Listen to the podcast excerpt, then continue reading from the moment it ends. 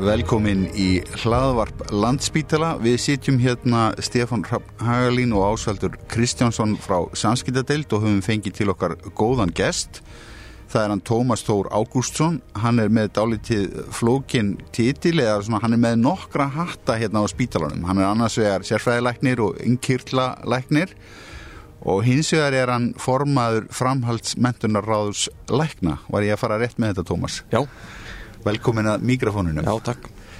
Um, ef við byrjum aðeins á, á, á bakgrunninum, þannig að fólk átti sig á, á, á mannunum og bakvi röddina, hver, hver ertu, hvaðan ertu? Hvaðan er ég? Já, ég er nú bara úr Reykjavík. Um, ég er sem sagt fættur 1975, um, ólst upp í Vesturbænum, ég er endur að hluta til uh, Norður Svíi. Norður Svíi? er, er það móður eða föðurleikur? Í, í móðurleik, Ok, Þannig að ég er alin upp á svona nokkuð sænsku heimili. já, en um, uh, var bara í melaskóla og hagaskóla og MR og svona lagnadeildinni afskaplega svona klassísk leið. klassísk leið kannski ekki sérstaklega spennandi Akkur er læknisæðin, hvað, það, leikur þetta í, í ættinni? nei ég er eini vittlýsingurinn í fjölskyldunni þannig að það er engin annar læknir í fjölskyldunni Hvað gera mamma einu pappi? þau eru nú komin yfir sjötugt þau Já. uh, reka bóndabæ í dag en þau voru uh, hérna uh, pappi minn er verkfræðingur og mamma mín læriði fórtæðafræði en er hérna en já, þau unnu svona svolítið út um allt í heiminum Já, fyrst að ferðast með? nei, Aldrei, aldrei á æfinni færið ég frí með þeim Nei, nei, ok, ok. Þannig að það var þvælingur á þeim? já, Já, ef- svolítið alþjóðlegt heimili kannski? Sérstaklega Já. með hennan sænska taum þarna inn? jú, ég myndi segja það Já. Svo er það læknisæðin? Já Það var nú engin svona uh, mjög svona djúb ástæða fyrir því ég, ég fór í læknisfræði mér fannst þetta bara áhugavert og þægilegni vinna en það er hérna en ég uh, sé alls ekki eftir þeirra ákvörðun. Um, ég sett laug læknadeildinni hérna heima 2001 um, dreif kandidatsárið af og fór flutti til Bretlands. Daginn eftir ég fekk lækningalefið þannig að ég eitti nú ekki löngum tíma hérna eftir kandidatsárið. Uh, var svo í Bretlandi í um, jannari átti í 12 ár um, sem sagt fyrst vann ég í Oxford í nokkur ár og svo vann ég í London lengst af á spítala í miður London sem heitir Guys and St. Thomas's og laug þar sem sagt uh, sérfræðiréttindum í almennum líflækningum og eingjörðalækningum Hvers vegna innkirtla lækningar? Og getur þú útskýrt fyrir fólki, hvað eru innkirtla lækningar? Innkirtlalækningar það er nú uh,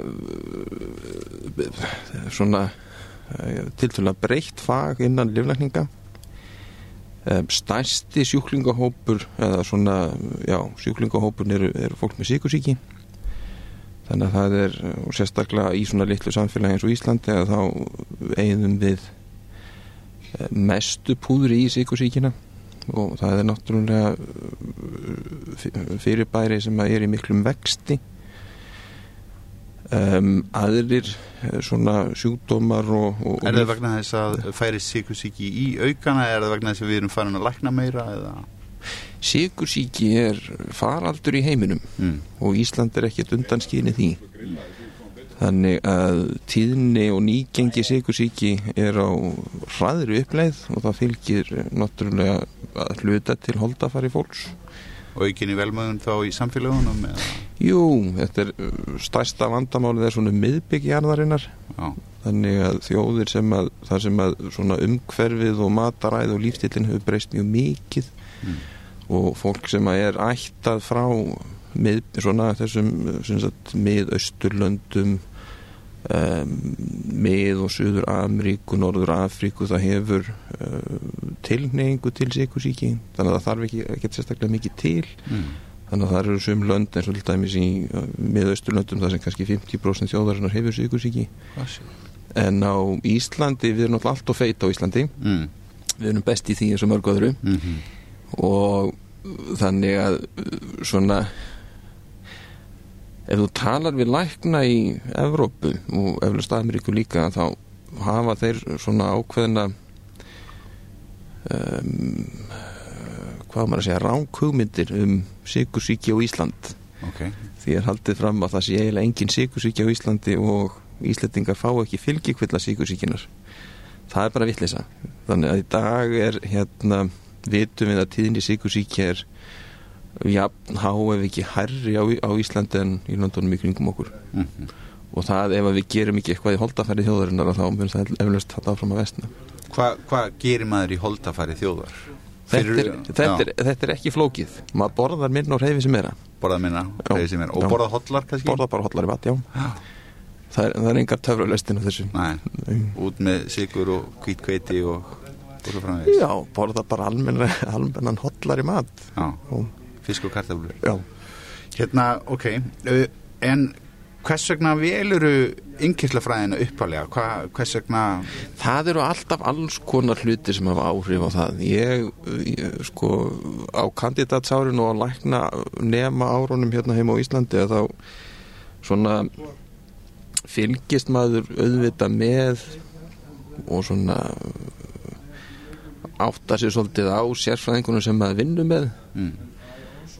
Um, innkirtlalæknar til þess að geta fungerað vel sem innkirtlalæknir þá þarf það að hafa mjög svona breiðan og góðan grunn mm. og geta synd almennum livlæknis vandamálum líka því að þetta kemur inn á svo margt mm -hmm. svo er þetta mjög svona lógist ég er ekkert sérstaklega hérna hlutir verða að vera lógiskir í haustum á mér þannig að inngjörtalækningar byggja vola mikið á því að ef það vantar eitthvað þá bætir maður upp. Ef það eru mikið af ykkur þá bælir maður og þá læknast fólk. Um, en þetta líka svona litaðist svolítið að því fólki sem ég vann með hérna heima. Þannig að maður heitlast af ykkur bæði út af fólkinu sem maður vinnur með og líka út af fæinu sjálfu. Mm -hmm. Svolítið klift og skori fag þá? Það er það, innkjörtalæknar eru mjög svona hérna kassalag og pedagógist fólk oft. Ah, beinskitt. Áfram gakk borðaði minna borðaði minna, og, og hreyðiði meira. Ég vil ekki sjá því hérna aftur. Okay. hvað er hérna ok, þannig að uh, getur þú sagt okkur aðeins frá þeim rannsóknum sem þú vonast það í náminu? Ég hef nú sko um, sérnám í Breitlandi mm. er uh, mjög klínist þannig að rannsóknar vinna er ólíkt því sem að gerist í sumum, í norður, sumum norðurlöndunum að, að þá er svona rannsóknar vinna og vísindaverkefni ekki endilega sko hluta sjálfur náminu það lögð mikil áhersla á mikla klíníska þjálfun mm -hmm. Þannig að rannsóknar nám er ekki hluti af sérnáminu sem slíkum mm. ég hins vegar hóf doktorsnám í meðan ég var í Breitlandi og það snýst um heiladingulsjúkdóma mm. þannig að það er nú svona fyrst og ennst það sem ég fengist við mm -hmm. þá fara alls fræði byrtingar myndir og svo framvegis á hérna, heiladingulsækslum mm. en ég því miður hef ekki haft nógu mikinn tíma til að sinna því på síkastið okay. verið að fástu önnur verkefni Hvað en gerist við heiladingulinn? Hvaða sjúkdómar, hvaða, hvaða, hvaða verkefnum varst að sinna það? Já, heiladingullin er náttúrulega mjög hérna, mikilvægt lífæri. Það er uh, lítið en mikilvægt. Þannig að heiladingullin er kirtill sem hangir neðan í heilanum og stýrir mjög stórum hluta af hormónastar sem er líkamanns. Þannig að hlutum eins og skjálkirtlinum, kynkirtlum Eh, nýrnahettum og svo framvegis er stýrt í gegnum heiladingulinn og einn annan hátt mm -hmm. þannig að þetta er mjög, ef eitthvað fyrir úrskeiðis með heiladingulinn þá hefur þetta mjög viðtak áhrif mm. þannig að það er annað sem er mjög svona, sem að mér fannst mjög svona heillandi við innkíslavækningarnir er það að eitthvað svona einfalt vandamál eins og til dæmis ef að það verður til ægsli í heiladinglinu sem framleiður of mikið af einhver ákveðnu hormóni að þá getur orðið að reysa eða hérna, þú lítur allt öðruvísi út eða það, þú þróar með þér alls konar mismunandi sjúkdóma. Og þetta er náttúrulega mjög svona þetta er fascinerandi. Og svo- lítil, lítil þúfa veltir já, þungur hlassi já, og svo er hægt að laga það. Mm. Með því að annarkvort fjarlægi æxlið eða gefa lif sem að bæla framleiðslu efnisins eða eitthvað svona. Eru mikla framfærir í fæinu? Í síkusíkinni, já. Eh, við erum náttúrulega þar við erum alltaf að fá þar orðin til óttarleg livja súpa við típu 2 síkusíki uh, og þau lif eru nú orðin miklu svona um, já, lógiskari en þau voru svo er líka uh, tækni framfæriðnar í típu 1 síkusíki er hansi miklar þannig að við notum meira fyrir alltaf fólk sem er með típu 1 síkusíki stæst, er svona kannski stæst í praktíski munum og típu 1 og típu 2 síkusíki er allir með típu 1 síkusíki verða að fá insulín og verða að vera á insulín allan svona ringin um, og þar hafa orðið mjög mikla tækni fram fyrir það hvernig við gefum insulínið já, þannig að mjög sko, stór hluti af íslendingum með típu 1 síkusíki er nú komin með insulín dælur mm og mælitæknin hefur breyst mjög mikið. Þannig að fólk er komið með sagt, uh, sírita. Það sér allan sólarhengi hvernig sykurinn er. Og ýmsar- sífælt minn og minni inngrip og röskun á lífi fólks þó það sé með eitt. Er það ekki? Það er Það því að tæknibúnaðurinn er lítill og minni og léttari Jú. og það er sko hann er nú kannski ekki minni og léttari. Hann hefur því miður orðið eiginlega stærri og þingri en hérna um, uh, meðhönd, já, já, öðruvísi þannig að meðhöndlun síkusíkja tegund 1 byggir grundvöllur meðhöndlunar típu 1 síkusíki er uh, þekking sjúklingsins eða einstaklingsins með típu 1 síkusíki og geta hans til að meðhöndla eða lifa með fyrirbærinu. Mm þannig að ef að þú hefur þeim mun meiri upplýsingar sem einstaklingurinn hefur og þeim mun betur sem þessar upplýsingar gefa einstaklingnum kleift að læra á sjúkdóminn eða fyrirbærið, þetta er þetta að kalla þetta sjúkdómurinn að þá hérna getur fólk meðhöndla þetta betur þannig að sjálfstýring hefur aukist svona, hvað, hvað kallast þetta? Empowerment já, nákvæmlega, já Já. þannig að þessi tækni gerir fólki kleift að gera það þannig að það, það átta sér betur á því hvað ákveðin matur gerir við sigurinn eða reyfing eða, og svo framvegis og þetta er svo einstaklisbundið að það er í rauninni ekki hægt að gefa fólki ykkur einfaldar jöfnur eða fyrirmæli það verður svolítið að læra þetta sjálf Mhm. Og það er ekki lengur þannig að fólk mæti til læknis á nokkra mánuða frestur lækninni segja þeim hvað það á að gera. Þú nærið aldrei góðum ánokri þannig. Mhm. hlutverk góðs sikursíkislæknis er að gera fólki kleift, kleift að meðhundla þetta sjálf Er verið að framlega betri sjúklinga þá eða? það er þess fyrir maður ekki það má kannski að vissan átt orðið að þannig. En það er hérna um, uh, en það er miklu það er miklu erfiðar að gera það en að segja fólki bara hvað það á að gera. Mm það er miklu meiri kunst Þetta er langu prósess og, og, og, lærdómskurfa væntalega í þessu. Segðu mér aðeins frá Sigursíki 2. Já, Sigursíki 2 er í er ég sagðan þá tíðinni og, nýgengi Sigursíki 2 og hraður uppleið Hversu Og- stór hópur er þetta? Eitt og tvö hér á landi.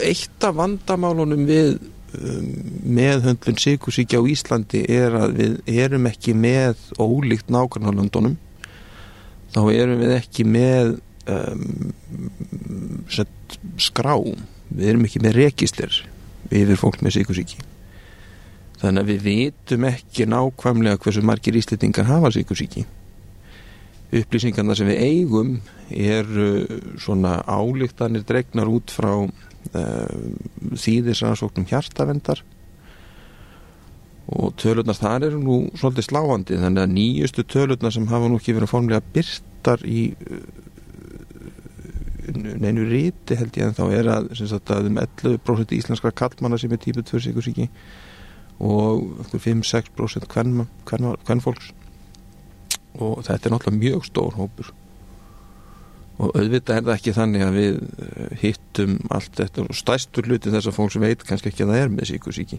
En þetta er alveg 30, 40, Fullt af fólki. 50.000 manns. Já. einmitt. og þetta er náttúrulega endurspeglar uh, lifnaðar hætti og holdafar þjóðarinnar Hvað hérna, já, fólk, fólk náttúrulega, náttúrulega getur vantilega árum saman verið með, með típu 2 á þess að vita Já, mjög Þannig að greiningin hlýtur að vera mikilvægt til þess að geta greipið inn. Já, Já, um, það er mjög það er alls ekkert óalgengt að uh, hitta fólk í fyrsta sinn sem hefur típu 2 sigursíki og þegar maður fer að tala við það og skoða söguna betur að þá áttar maður að segja á því að fólk hefur eflust verið með sigursíkina í mjög mörg ár. Já. Hvað enginni eru? Hvernig getur fólk hérna að spotta þetta? Já, algengustu einkenni sí, hérna sigursíki er þorstlæti maður þotnar mjög mikið þannig að fólk pissar mikið það er einfallega vegna þess að fólk fer að pissa sigri og sigrinu fylgir vatn og þá pissar maður meira og þá þotnar maður og þá verður maður þyrstur.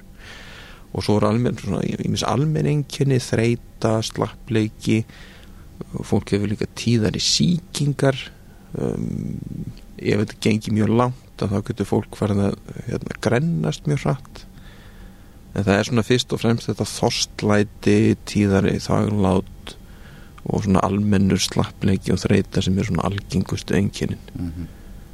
Læknar flestir vantilega þjálfaðir í að koma auða á þetta þannig að einfalt að fara til bara heimlisleiknis Jú og ég menna blóðsikursmæling er uh, hluti svona þessum hérna algengustu pröfum sem við gerum. Þannig að það er um, það ætti að vera erfitt að fara til læknis og lýsa þessum einkennum og ekki greinast með síkursíki eða verst með síkursíki þetta er það um, ætti að vera það ofalega í hugum fólks. Mm -hmm.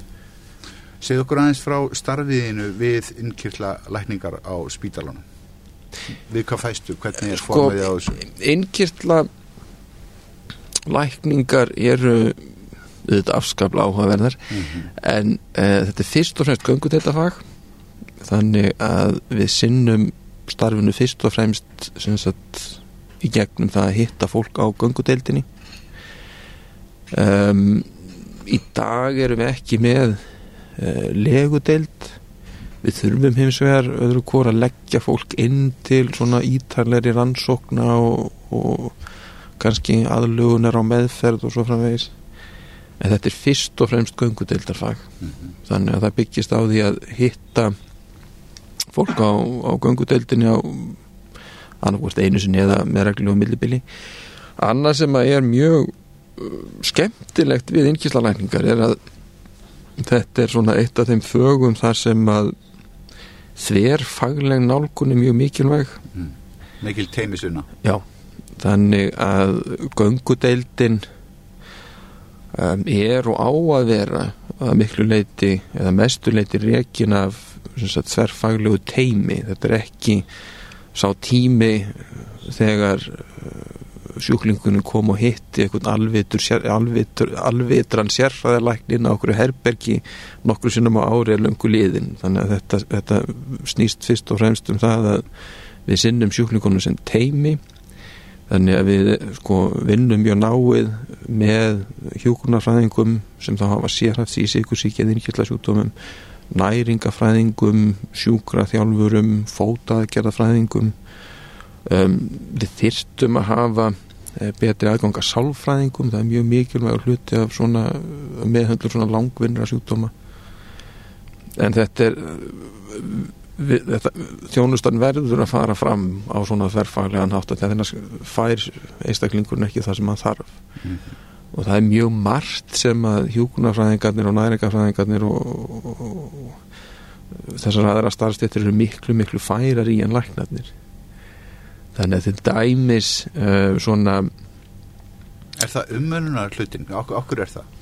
Það er, það eru vissi hlutir sem að þarf sér hæfða nálgun Já. þannig að um, eins og til dæmis ef við hugsaum um fólk með sigusíki að þá er fer svona þjónusta fram í, í löndunum í kringum okkur oftast þannig að læknirinn hittir sjúklingi kannski einu snitt eins og ári mm -hmm.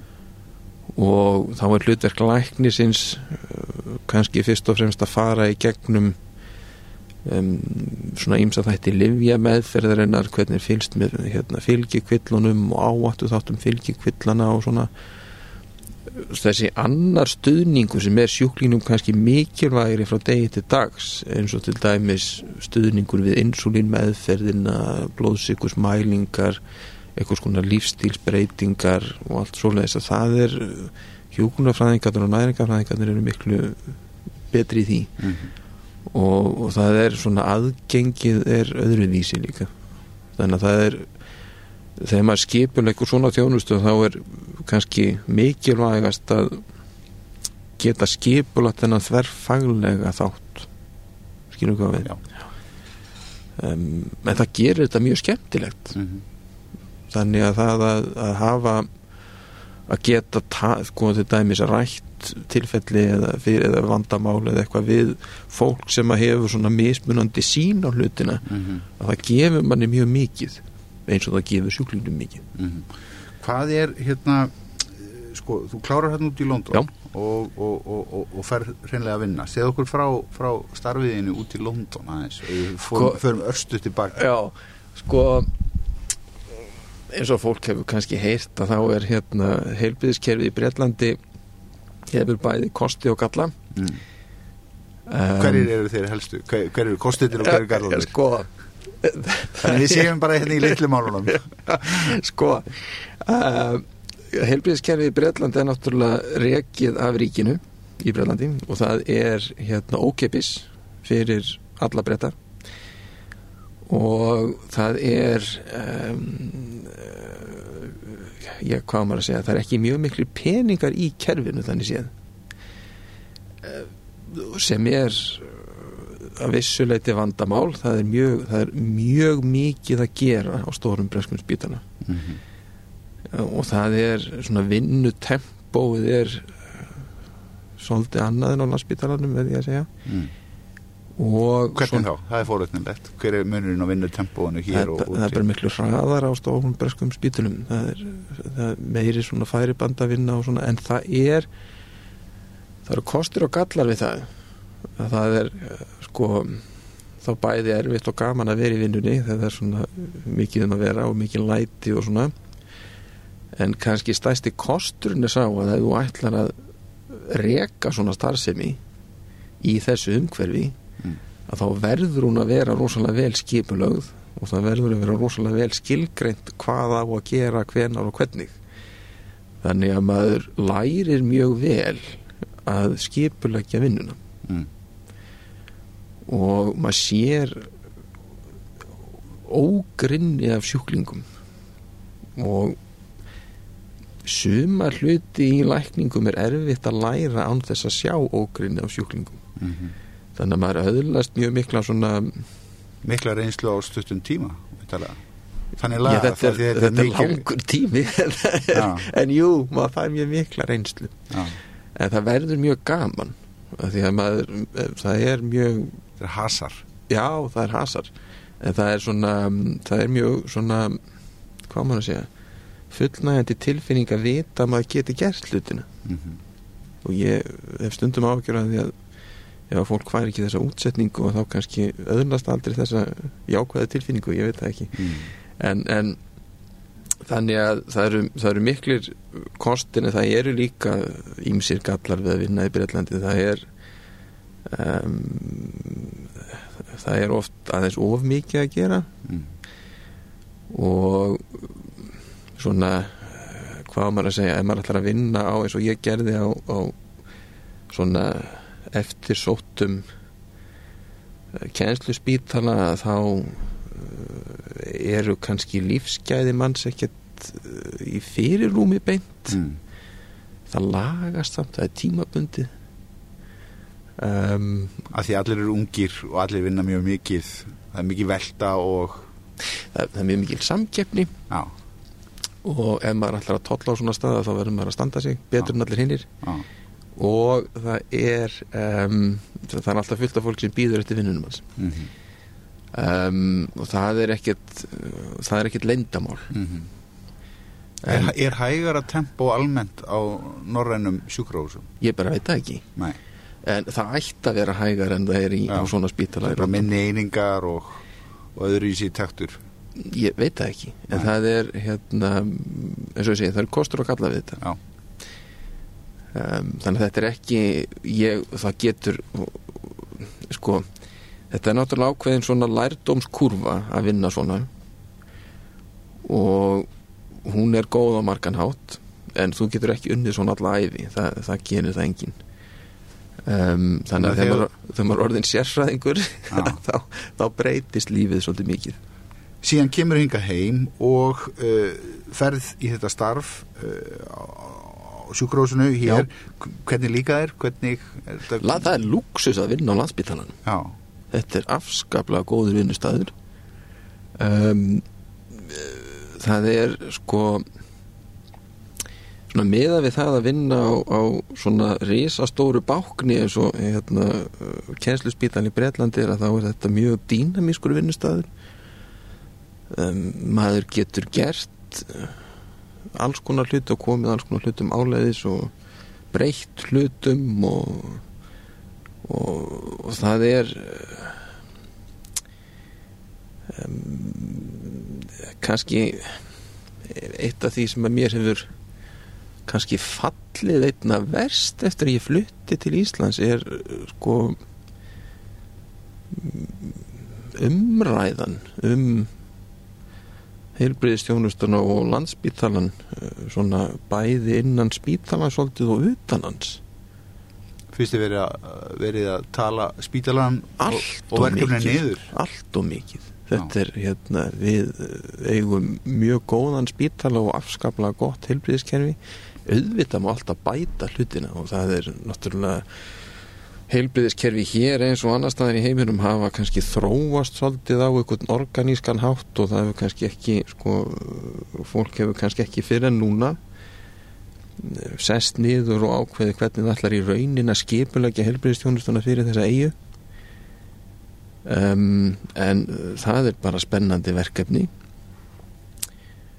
Og sko árangur heilbreyðistjónust á Íslandi hvort sem að það er í heildina eða á spítalanum er mjög góð. Þannig að faglega er, er, er spítalinn Já. á góðum stað?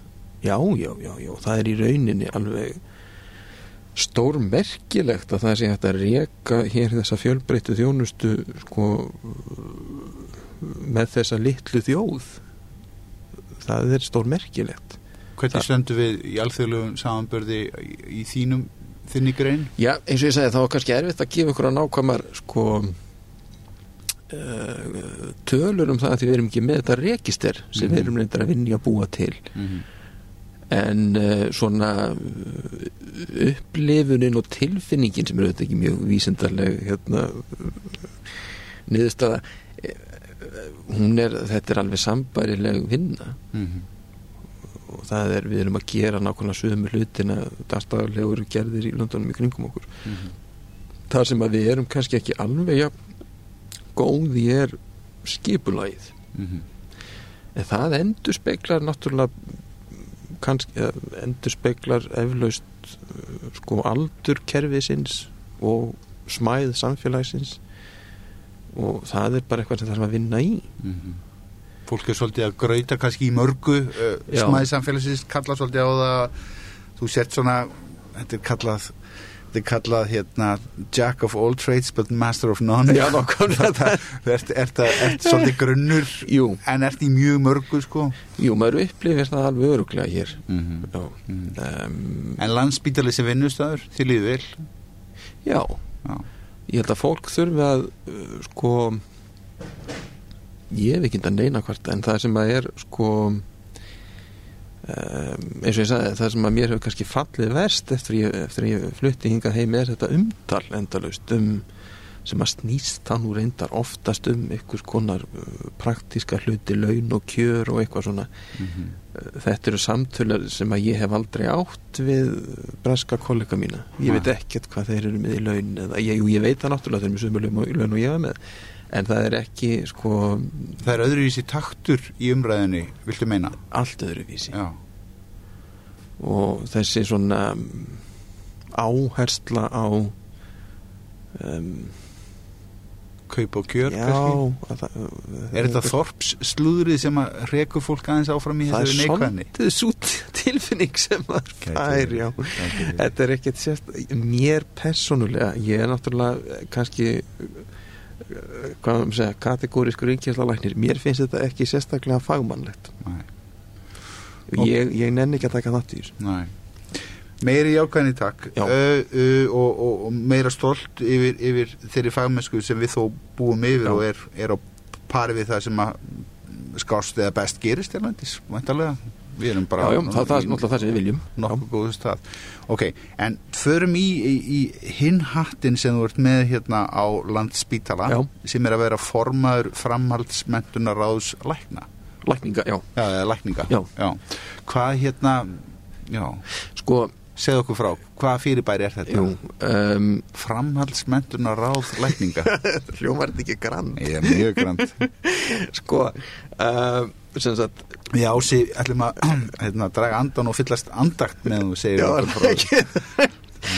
En um, sem sagt sérnam, framhaldsnám eða sérnám lækna á Íslandi hefur verið í þróun lengi. Þetta er ekkit nýtt fyrir bari það hefur verið hægt að uh, stunda sérnám í ýmsum greinum þar með talið heimilislækningum og geðlækningum og liflækningum lengi á Íslandi og þegar þú meinir stunda þá meinir að, að bara klára allt námið hér. Já, sumt að og, sumt og sumt ekki. Ok, Þannig að í dag er hægt að klára uh, geðlækningar og heimilislækningar á Íslandi. Sett án þess að fara út í sérnám. Um, Annað sérnám er ekki í augnablikinu hægt að klára á Íslandi. Það er reyndar um, svona ákveðin þróun í því Þannig að til dæmis uh, bráðalæknar eða bráðalækningar verður hægt að klára á Íslandi. Um, í svona litlu samfélagi þá er náttúrulega sko stærsta áskorunum í því verður alltaf innihald og gæði námsins. Og við höfum nú svona byggt ímislegt upp til að tryggja það þannig að ég hef nú ekki áhyggjur af því. Um, en ef við förum aðeins tilbaka hvað hérna framhagsmettunar og lækninga er að þá er sko framhagsmettunar ráð er ráð allra kennslustjóra. Sagt innan hverjar greinar er kennslustjóri sem að ber þá á, faglega ábyrð á um, uh, sérnámi innan þeirrar greinar hvað eru greinaðu margar? hvað er þetta stór Þetta hópur? er uh, í augnablikinu 13 greinar það eru á landsbítalanum um 170 sérnámslæknar þannig að þetta er stór hópur af fólki og þetta er eru þá hverjum tíma hvað í kringum 5, 10, 15 í hverju grein þá? Greinarnar eru mjög mjög stórar já, ok. Um, stór sko framhásnám eða sérnám heimili, heimilislækna fer þau sem sagt námið þeirra er cirka 5 ára og þau eigða af þeim tveimur árum inn á spítalanum. Mm. heimilislæknar á Íslandi þurfa að vaksa og um, við þurfum fleiri heimilislækna og þetta þarf að verða eftirsóknar verðara fag sem það náttúrulega er en það þarf að þetta er svo grein sem þarf að vaksa mest. Um, hún er náttúrulega með gríðarlega metnaðafullt markmið sem að hefur verið gefið út sem er að, að heilsugæslan sé fyrsti viðkomu staðurinn í heilbriðskerfinu Jú. þannig að mikið vegt að það sé það verður að að blöður mannskapur. Jú, það verður að horfa á þetta heildstætti yfir allt landið. Þannig að ef við ætlum að geta veitt hér hald, ef við ætlum að hald, geta haldið áfram að veita þessa góðu heilbriðistjónustu sem við höfum að þá verðum við að hugsa um það hvernig læknum og heilbriðis starfsfólk er dreift. Og það er náttúrulega í dag er vægi sagt heilsugæstunar kannski ekki nógu stórt. Þannig að svona við erum í mjög nánu samstarfi og, og kjenslustjóri heimilislækna þessi heilsugæslunar situr í framhansmyndunaráði þannig að við vinnum algjörlega námið með þeim. Og takmark okkar er auðvitað að skipuleggja þetta áratugi fram í tíman mm -hmm. þannig að hérna, það sé raunverulega hægt að segja að þetta eigi að vera fyrsti viðkomustæðurinn eða við höldum áfram að hugsa bara um hérna, hverju eina grein veist að ég hugsaði bara um það að það eru til sem flestir innkýrslalæknar og innkýrslalækningar væru bestar að það það, það er ekki tvit í. Því þannig að þetta svona uh, þannig að greinarnar er mjög misstórar heimilislækningar eiga að vera langstæstar Mm -hmm. uh, í dag á spítalanum er, er sem sagt fyrir utan heimilisleiknarna þá eru liflækningar stærsta prógramið uh, þannig að það eru um, cirka 40-50 sjálfnámslæknar já, já.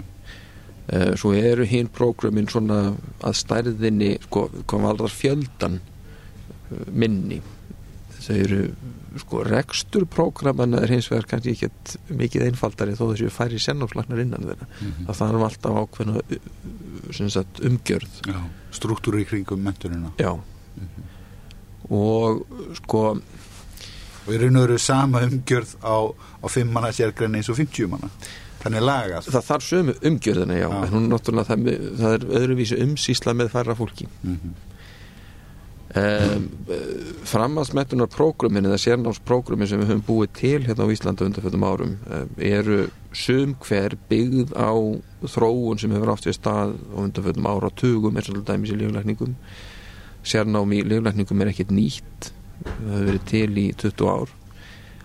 En uh, það kom, það var samþygt ný reglugjert 2015 sem að er í rauninni sagt, í samræmi við Evrópulög þar sem að það er mjög skýrt tekið fram að ef að uh, þú ætlar að öðurlast sagt, fá sérfræði viðurkenningu í ákveðinni grein að þá verður að hafa unnið innan samþygt eða viðurkenns framhansmöntun og prógrams í einhvern ákveðin tíma og uppfyllt ákveðin skilirði þannig að sko áður en þessi reglugjart kom til að þá var í rauninni nóg að vinna í einhvern ákveðin tíma innan einhverjar greinar. Það þurfti ekki að vera prógram. Við höfum gert þetta á mjög metnaða fullan átt þannig að lang flest prógramana sem nú eru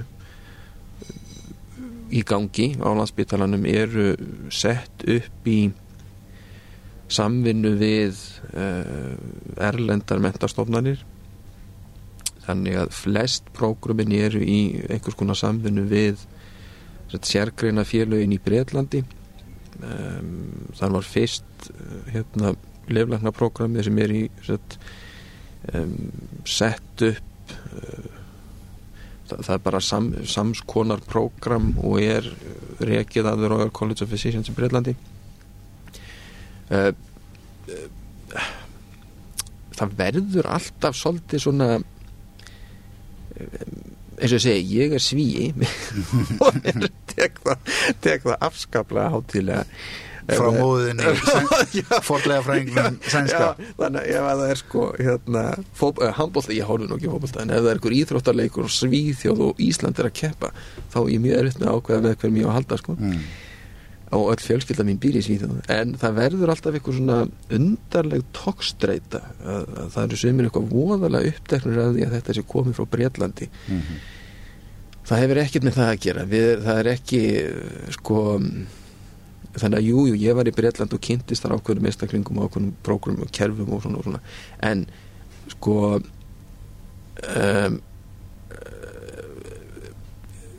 Ertu meina að sé, ertu að í að því að þessi smá þessi rígur? Það er alltaf ykkur rígur. Að einhverjum, Já, ef, já. ef, ef við erum í, á einhverjum tíma í miklu samstarfi við Bretana að þá, hérna, þá fara menn ágræði hvað með samstarfi við Svíjana Já, já, það er alltaf eitthvað svoleiðis, sko. og þetta er, þetta er algjör óþarfi. Já. það er tilgangur þess að var aldrei að gangi í breska heimsveldið sí, sísta völlu núna. Já, en um, sko það sem að Bretland hafði og svona sérnámi í Bretlandi eh, sko það eru í heiminum uh, svona nokkur lönd sem að hafa verið í svolítli svona fóristu hvað varðar ekki endilega innihald eða gæði námsins heldur sko struktúrin. Og það er það sem okkur vantar það er struktúrin það er ekki innihaldið endilega og það eru sagt, það, er land, það er þjóðir sem hafa við fremstar í því í heiminum eru uh, kannski hollendingar, breytar og svo hafa kanadamenn alltaf verið mjög framarlega í þessu. Mm. og það er þá umgjörðin matskerfið og svona, og, og, og svona úttektirnar á, á svona, gæða kontrólið í rauninni.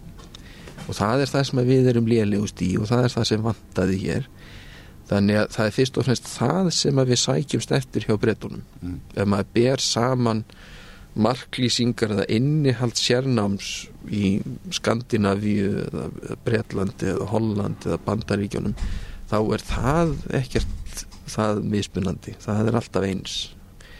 Það er mjög auðvelt að skrifa eitthvað lista yfir öll, allt það sem þú þarfst að læra í innkýrslalækningum til dæmis, þá tækir mig fimm minútur en það sem er flókið er að skrifa nútíma marklýsingu sem þá inni heldur sagt færni kröfunar lýsingu á sagt uh, svona robust handleiðarakerfi og hérna matskerfi og lýsingu á sko hvernig þú ættir að meta framgang einstaklingsins innan prógramsins.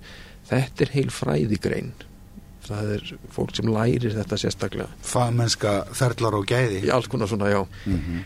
en að það er hérna við höfum enga burði til að skrifa svona frá upphafi. Þannig að eða, það er algjör óþarf að finna upp hjólið.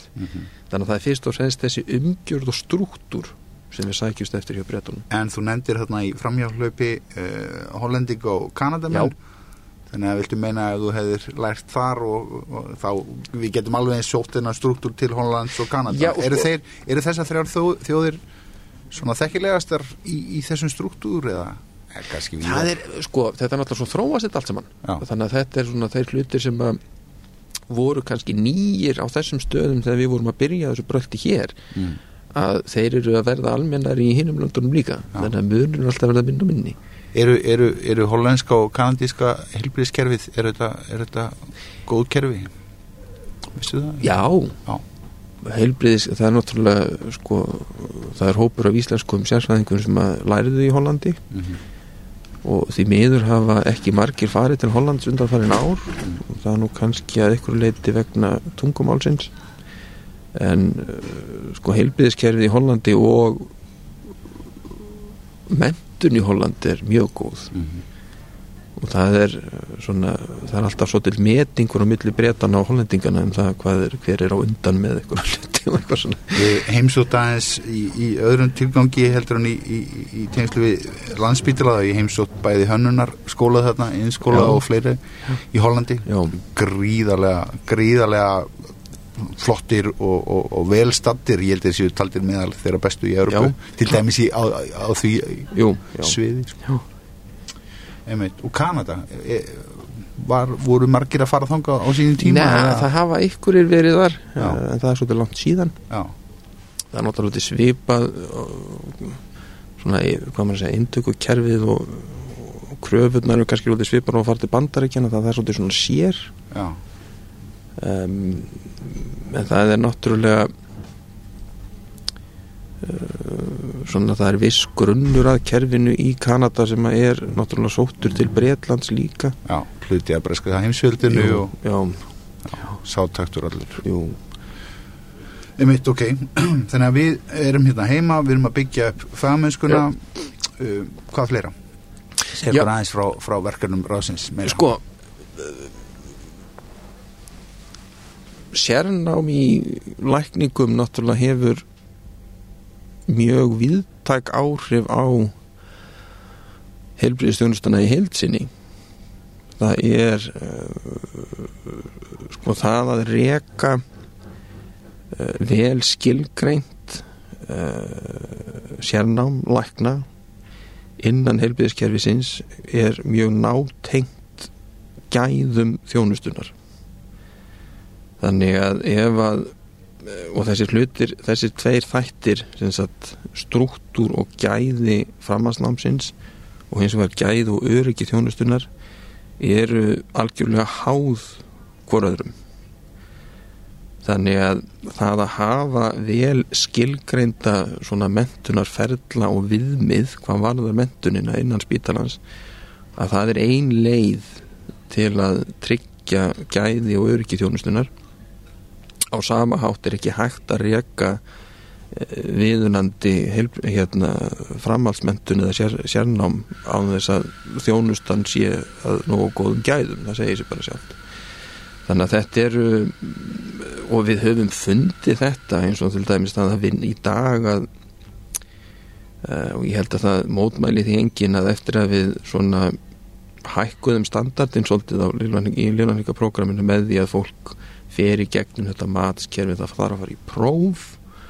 Þannig að það í, í lífnarningaprógraminu til dæmis að þá eru tvö skrifleg próf og svo eitt verklegt próf. Og þetta eru þó alþjóðleg próf sem við rekum hér heima í samfunni með háskólan að svona standardin á þessu fólki hefur breyst. Um, kannski soldið svona jafnvelhægt að segja að fólk hafi svona þróast frá því að vera einhvers konar svona uh, haldið áfram í þessu aðstoflækna hlutverki þar til það fer út í það að þróast í að verða svona þróast í áttin að því að verða sérfræðingur mm -hmm. þannig að svona dagleg störf hafa breyst til mikið mm -hmm. og það leynir sér ekkert þannig að það er mjög mikilvægt. Og líka þessi stöðlun þekkingarinnar með prófunum með því að fá Jú, svo er þetta náttúrulega líka nú ætlum ég að vera alveg svakala dónalegur en eitt af því sem að sló mig þegar ég kom hingað heim frá Breitlandi var að sett, fyrsta vinnan sem að ég hérna, vann hérna á Íslandi var að ég sett, réði mig sem sérfræðingur á bráðamóttukuna sem að var mjög skemmtilegt bráðamóttukan er afskaplega skemmtilegu vinnistæður rosalega skemmtilegt starfsfólk og mikið stöð og hérna mjög góð leið til að svona kynna staðið spítalanum og starfseminna því að það er náttúrulega svona einhvern veginn þánga liggja allar allir taumar einhvern veginn þannig að ég fekk mjög góða insýn svona í starfsemi stofnunarinnar mm. en það slæn mann svolítið, það sló mig svolítið þegar ég byrjaði að vinna þarna það var svona svona nálgunin að jafnvel algengustu vandamálum er svolítið sundurleit mm. og hún er mjög einstaklingsbundin ja. þannig að sumir hlutir eru gerðir eins og þeir voru kannski gerðir í Gautaborg fyrir fimm ánum síðan eða mm. Æjóa fyrir 20 árum síðan eða eitthvað þannig að þetta er náttúrulega þetta er allt öðruvísi en að vinna á þetta er ekki allt öðruvísi þetta svona kemur upp öðru kvoru mm og uh, þannig að náttúrulega það að hafa þessa alþjóðlegu tengingu og nöðsin á uppdateringu í gegnum sérnámið að því að til þess að standast prófin og matið þá þurfa sérnámslæknarnir náttúrulega vera up to date að þá þurfum að sérfæðingarnir náttúrulega að vera það líka Þróunin hjá landsbítila er þá uh, frá einstaklingsmiðari nálgundálitið sem er svona ræðist af þeim læknum og þeirra bakgrunni sem er í gangi á hverjum tíma Já. og yfir í þetta alþjóðlega matskerfi sem tryggir að Já, það er náttúrulega, þetta er bara sko kannski þróunin sem við viljum í heildina náttúrulega, staðlaðri vinnubráð og, og hérna og svona sko verkfellar er alltaf bara verkfellar þeir eru mhm. bara hérna og, og hérna um, þeir eru meira viðmið en einhvers konar hérna lög og reglur kannski mm. en uh, það þarf svona samhæfða gaggrínda evidence-based nálgun að öllum vandamálum mm -hmm. og ef að fólki sem að sinnir þessu í framlínjunni mm -hmm. sem eru sérnáflagnarnir að, að þá náttúrulega er það reyn leið til að svona hérna, styrkja þá nálgun mm -hmm. Þetta er mikið ringið þetta er svona, svona, svona kræmandi pottur sem þú komið er hérna í ég séu mikið gaman að þessu Það er kannski að dálega þannig já. Ástriða þín áfram já. er hún að sinna halda áfram, vera með þessa tvo hatta uh, annars vegar sem, sem liðlegnir og hins vegar sem, sem, sem forvíðismæður uppbyggingar í kennslu. Það er alltaf verfitt að segja. Ég er náttúrulega er í þessari stöð í dag. Um, við náttúrulega erum eitt af því sem við Hér eru framkvæmdir í bakgrunnum aðeins að tröfla Tómas Þór, við sitjum hérna og hérna tökum upp hlaðvarpi hérna í, í stöðu að framfærir já, í, við sitjum hérna í Matsal landsbítala í, í Skaftalíði í smávís rými hérna en, en það er verið að byggja upp spítalan hérna, hér skrifstofu aðstæða og, og já, dýnamíkin hérna er svona aðeins að trubla upptökuna kannski. Ha. En, sko En þetta er kannski líka bara eh, svona, já, tíman að tákn, uppbygging á landsbytjala, betrum bætur á, Jú, jú. á starfs, að- starfsaðstöðu jú, fólks. jú. Mhm. jú, og það er náttúrulega sko, það að reka svona vel skilgreint og skipulagt sérnám er, kemur einmitt að þessu starfsumhverfi og löðun starfsfólks í framtíðinni Mhm. að það að vinna á svona virkri mentastofnun sem að uppfyllir alþjóða viðmið að það er allt annað umhverfi en að vinna á spítana sem að gera það ekki. Og ef að fólk elst hér upp sem, sem sagt kandidatar og svo sérnámslagnar um, í þessu umhverfi og veit að þetta er umhverfi sem það kemur tilbaka í og það getur tekið þátt í svona uppbyggingu og vinnu á þessum standard að þá hefur það náttúrulega und- ætti það að hafa ótvíraðar afleðingar fyrir framtíðina Er þetta eitt af þínum hlutverkum að, að setja tappa í speki leka frá Íslandi? Ég þetta er hluta því, Já. absolutt Já. Já. Hvað með þessi sjóna með að þessi nöðsilegt að þessi mannskapur mentist á stóru leiti ellendis, hérna, hvað með þessi sjóna með að heimst sé heima allir barn og... Það er alltaf, það er mjög góðu punktur. Og, og það eru náttúrulega viss fög sem ekki er hægt að læra hérna á Ísland og við munum aldrei, eða allavega ekki nema ekki fyrir að þjóðin stækkar mjög mikið geta veitt námi hér á Íslandi. Svo til dæmis innkirlalækningar það er ekki, ég ætla ekki að fara að menta innkirlalækni frá að til öð hér á Íslandi það, hann myndi þá bara halda ég væri heimurinn, það er ekki gott eða við rafna og rafna steinun og einhverju, það bara myndi aldrei ganga. En hérna hins vegar er sko, ef þú ætlar að fungera sem læknir á Íslandi en við tökum til dæmis bráðalækna það er ímislegt í bráðalækningum á Íslandi sem að er sérstakt. Við lifum lítil þjóð sem býr á stórri eigu og við höfum alls konar kannski sérstöðu. Það er líka ákveðin kostur og styrkur í rauninni nöðsin að kunna að fungera innan þessa samhengis sem þú lærir ekki ég vann í heilt ára á bráðamótöku að- í gettói í söðaustur London sem var brjálað stuð. Ég sá bara allt sem hægt er að sjá held ég. En ég sé þetta ekkert á Íslandi Það er ekki mikið að fjallgönguslýsum þarna í gettóinu í London. og ekki mikið af, af hausunum hér Nei. sem betur fyrr en það er sko hérna, þannig að það, það er ákveðin punktur eins og ég sagði aðan og það eru flest þessara framhansmöndunarprogramma sem við erum að byggja upp hér að þau eru unnin í mjög nánu samstarfi við einar virtustu svona mentastofnanir í heiminum og ef að við veitum fullt sérnám í þessum svona sérhæfðari greinum eins og til dæmis liflækningum eða bráðalækningum eða einhverju að þá verður hluti af því einhvers konar sagt, skiptinám eða einhvers konar tími einhvers staðar annars staðar. Það er, það er ekki gott að alast bara upp á einni stofnun. Nei. það er alltaf gott að sjá ekki bara hvernig hlutir eru gerðir á góðan hátt á mismöndi stöðum en líka hvernig hlutir eru illa gerðir á mismöndi stöðum, maður lærir mjög mikið af því. Þannig að það er sko það, er absolutt mjög sterkur punktur. Hins vegar er, er þetta svolítil mýta þetta með að á vissan hátt að fólk verða að fara til útlanda og, og, og það hérna komi með sér heim komi með með sér heim sem sagt, þekkingu sem annars væri ekki til staðar. Heimurinn er að minka mjög mikið. Mhm. þannig að í dag notum við sömu resúrsa hvað varðar upplýsingar og stærri spítalar annar staðar í, í, kringum okkur. Vandamálin eru þau sömu og við erum í mjög nánu samstarfi við fólk í löndunum í kringum okkur. Og, og þarna mið-Európu mannskapurinn í Ungurilandi, já, Slóvin í Slóvakíu, Slóvin í Jú. aðalega. það er kannski á svolítið öðru öðru svona stíi Já, en þessi svona daglegu en samskipti flott sem- gæði þar. já, á já, já, já, já, algjörlega Já. Já, já, ekki við þannig en það er kannski fyrr á fyrr í ferlinu Já, einmitt, það er náttúrulega bara grunnámið. Já, já. Einmitt.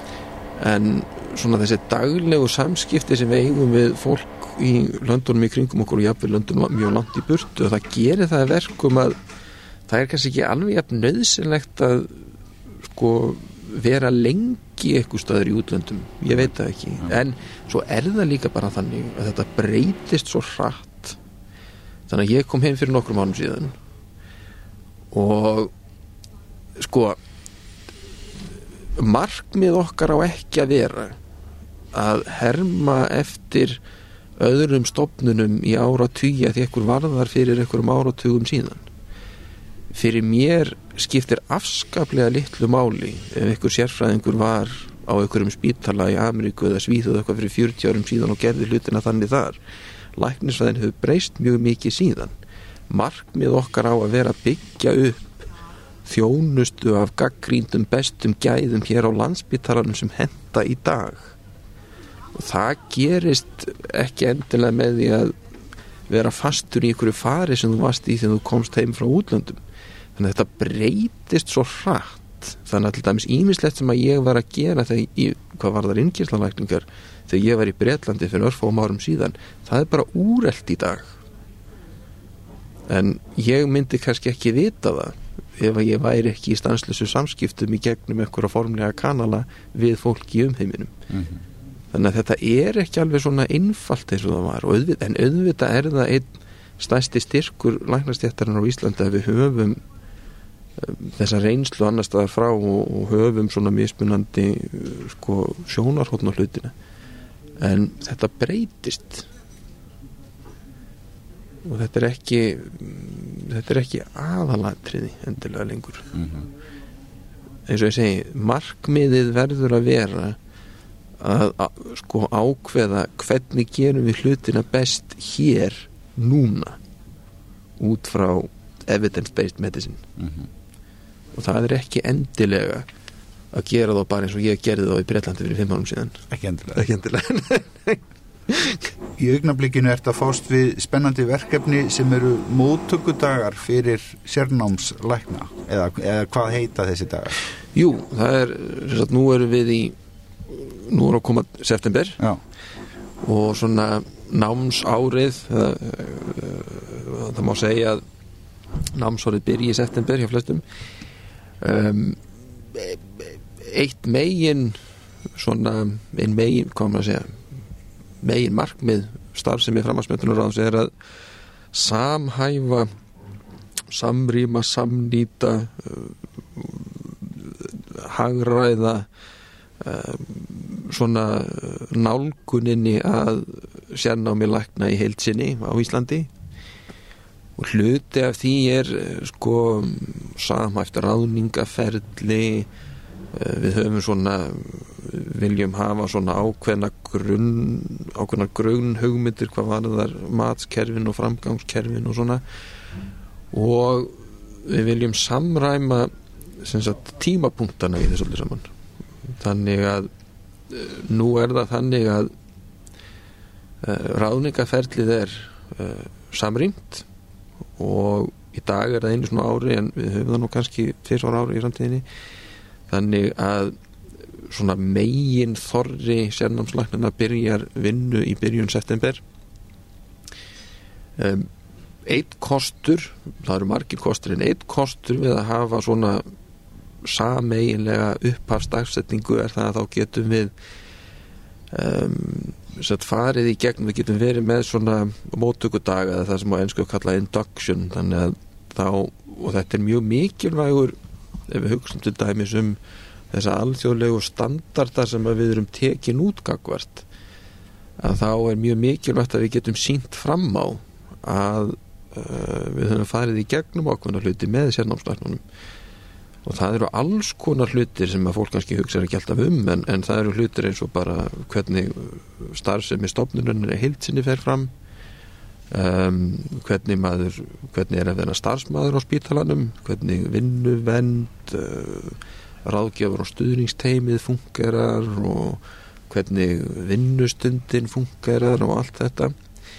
Uh, og svo förum við í gegnum með þeim uh, svona grunngildi uh, sérnámsins satt, uppbyggingar, marklýsingar og, og hérna, matskerfisins og framgangskerfisins. Um, svo eru alls konar hlutir í tengslum við um, bara það að vera læknir og líka það að vinna með fólki sem er hérna, sem við förum í gegnum. Með svolítið sem jafnbrettismál uh, mjög, í, í mjög víðu samhengi. Uh, förum aðeins inn á svona hérna, um, umhverfis og samgöngumál og alls konar svona hluti. Samskiptasáttmálin Samskiptasáttmálin er, er mikið hérna, áherslu atriði mm. þannig að þetta er Og fáðu til ykkar gestafyrirlesara?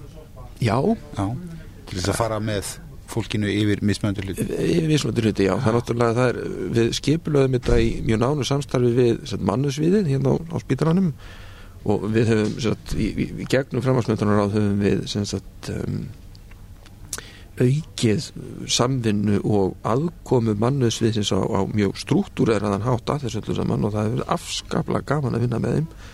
Af því að sko það er nú kannski svolítið lenska hjá læknum að við höldum að við vitum allt. Þess að fatta maður að hérna, það eru alls konar hlutir í tengslu við svona hluti sem maður kann ekki neitt í þannig að þau eru búin að kenna okkur alveg heilmikið og eru komið með mjög svona formlega tengingu inn í framhansmötunar og þetta skiptir mjög miklu máli. Þannig að þessir hérna sameilu og mótökudagar eru, eru, svolítið þeim að þakka í rauninni. Mm -hmm.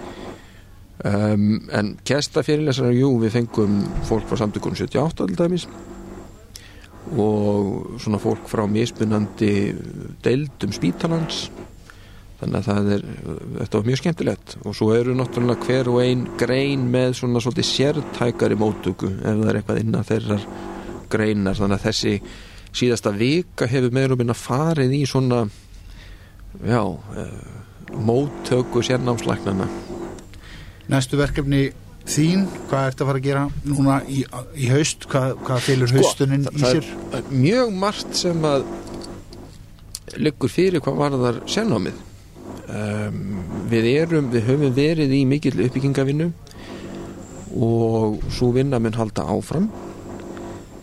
Uh, hún kannski breytist svolítið að því að uppbyggingun á vissum sviðum er við erum svona að komast úr þessum svona uppbyggingar hetjufasa yfir í eitthvað skona svona mei, hérna, viðhaldsfasa. En það getur verið jáfnveil meiri áskorun en að vera í uppbyggingunni. Um, þannig að við erum að vinna heilmikið í og líka samhliða þessum hérna, stærri skipnarsbreytingum á spítalanum að þá þurfum við að tryggja sagt, uh, sérnámið í sessi innan nýja struktúrsins og þurfum að það heilmikið vinna sem fyrir að pæla í því hvernig það funkar allt saman. Um, svo er líka uh, annað sem er mjög mikilvægt og er í rauninni forsendamars þess sem við gerum er að um, fjármögnun sérnáms á Íslandi hefur verið mjög illa skilgreynd þannig að í dag er þetta illa skilgreyndur hluti af daglegum rekstri hverjur og einnar einingar.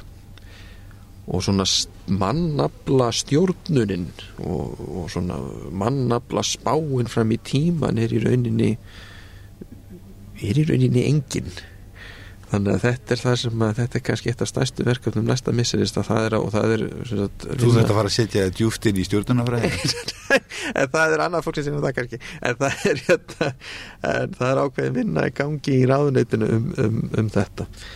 Og það er mjög mikilvægt að þetta verði skilgreint að því að í þessu félags náttúrulega ímist tækifæri.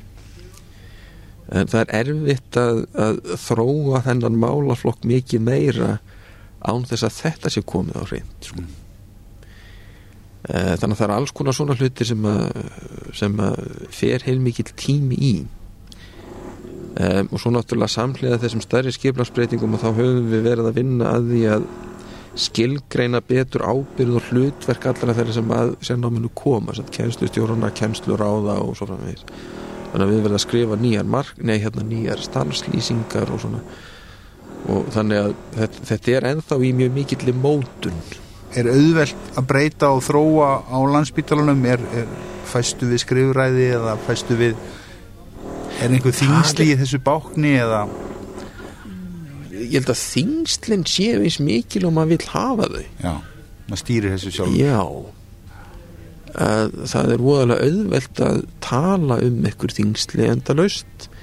En ég hugsa og líka maður sko ef þú eins og maður ræðir þessa hluti sem hafa gest í sérnáminu hér á örfáum árum við kollegana til dæmis í Breitlandi að, að þá verður fólk mjög hissa því þetta eru hluti sem að þau hafa verið að bastla við í ára tungi en við höfum gert á sumum greinum örfáum mánuðum. Íslendingar eru lúmst móttakilegir fyrir breytingum og þróun Já. Saman ber hérna hversu snöggimenn eru hérna að tilenga sér alls konar tækni. Já. Vandamálið er kannski frekar að viðhalda þeim. Já. Við erum rosalega góði að fá góðan hugmyndir Já. og framkvæm eitthvað rosalega rætt Góð í startinu. Góð í startinu. Svo gerist ekki mikið meira. Nei. Og við hefum séð það í, í þessari innleðingu á, á hérna, framhansmyndarnar prókumunum að það er ákveðin svona roslegur enthúsiasmi til að byrja með en kunstin er svolítið að halda því við. Þetta er langklaup Þetta verkefni er ekkert að fara. Nei. Þetta er verkefni sem við verðum með áfram.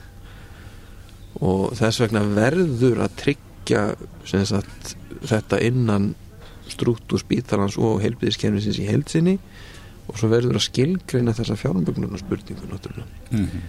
þannig að grunnstóðunar verða að vera alveg á hreinu. Við erum komin rosalega langt með framkvæmdina. Hún er alveg sko sérnám í vissum greinum hér á Íslandi er mun betur struktúreraðar en, það er í mörgum nákvæmlandum okkar.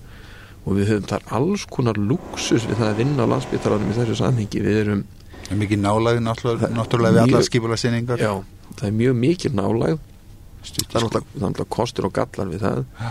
en kannski stæst, eitt stæsti kostur við það að það er mjög auðvelt að veita fólki mjög svona hvað maður að segja góða endurgjöf á það sem það gerir og fylgjast við, við kynnumst sérnámslæknunum mjög vel. Og ef maður hefur nógu góða struktúra í kringum matskerfið og það hvernig maður svona stiður fólk að þá er það mjög mikil kostur. Mm -hmm. hins vegar ókosturinn er það, það er þessi hérna hvað heitir nebulism á íslensku? Hérna það er of mikil nálæð og of mikil svona kunningskapur. Mm -hmm. en þá er þeim mikil með að hafa eitthvað formleg kerfi. Já, það var rétt að færla geðastarfið og allt þetta á hreinu. Jú, en líka bara sem sagt formlegar leiðir til að meta fólk. Mm -hmm. formlegar leiðir til að meta fólk. Við erum að taka þetta upp á föstu degi það er létt yfir okkur. Hvað hérna ef við, ef við, ef við slútum þessu á, á, á, á Tómasi Þór ákursinni utan vinnu hvað, hvað ferðu og bartusa við í, frí, er, í þeim fái fríum sem þú leifið er ég er rosalega lélugur í að taka mig frí. Ég, ég hérna er, ég fór nú í frí það sístu viku í nokkar daga. Okay. en hérna ég er ekkert rosalega ég ólst ekki upp við að fara í frí. Nei. Ég veit ekki til þess að fóröldra mín hafi nokkuð tíman farið í frí. Ég fór ekki í frí fyrir en að ég var hérna orðin komin á færtusaldri einhvern tíman fyrir mig. Þannig að ég, ég kann það ekki það en En einhverja tómstundin, einhverja lítur hún að fást við utan vinnu. Já, risastort fiskabúr. Já. Þannig að ég hef alltaf átt fiska. Það fer svo til tími það uh, og Risastort, hvað er það að tala um? Það er 500 lítrar og svo eitt minna. Er það, hvað er það, 2 metrar eða? Þetta er á stærðið baðkar. Næ, jú, maður gæti lagstofan í það sko. Já. Uh, Þannig að það er alveg ágætt. Uh, Svo fer ég nú bara í ræktina út á laup og hjóla og eitthvað Eitthvað klassíst Eitthvað mjög klassíst Það er ekki mikið merkilega það sko. Nei, ég það nú ekki margir með svona risavaksinn fiskabúr inn í hans er lengur. Þetta var, þetta týðkæðist nú áður fyrr. Ég átti, átti, átti nokkuð stórt fiskabúr sko. Já, en það er svolítið vinna í kringum þetta sko. Já, ég get eftir ímynda með það. Ertu með einhverja tegundir af fiskum? Ég á, það, það er eitthvað diskusar. Um, það eru svona kringlóttir stóri fiskar. Já og svo eitthvað alls konar annað eitthvað svona minna en það er aðalatriði Diskusar, hvaðan eru þeir? Hvað, þeir eru, eru þeir svona forutnilegir þeir eru nú uppaflega frá Amazon. Er þetta skrautfiskar, eru þeir litríkir? eða? já. Þeir eru mjög litríkir. Þeir eru alls konar á litin en það er, sko þetta er náttúrulega þetta er náttúrulega svona ræktað í eh, tætlur sko þannig að þeir eru stór skrítnir á litin en þeir eru, þeir eru ekki þeir líti ekki út eins og eða nokkrir þeirra eru svona í nokkur náttúrulegum litum en, en þeir eru, það er búið rækta og þannig að þeir eru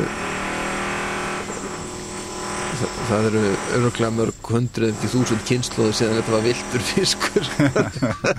Þeir líta, já þeir eru, þetta er svona þegar ég var krakki sko þá var það að eiga diskus eitthvað sem mann dreymd um og held að maður geta aldrei eignast en það er hérna þannig að þetta á að vera svona mjög Já, þetta er fancy Þetta, þetta er fínt, mjög fínt. fancy Já, sko, já, þetta er já. alveg bara ég er óksla móttin að þessu Ok, en það er hérna en þetta er nú ekki að erfitt og ég held að það væri sko. það er ekki þannig að þeir sjá nú eiginlega bara um sig sjálfur svona mjög leiti Og hvað hva, hva kostar stikkið af diskusi? Þetta var alltaf mikið rætt í galanda Já, þeir voru sko alveg fáránlega dýrir hérna einu sinni uh, svo er þetta nú orðið ódýrara þannig að þeir eru nú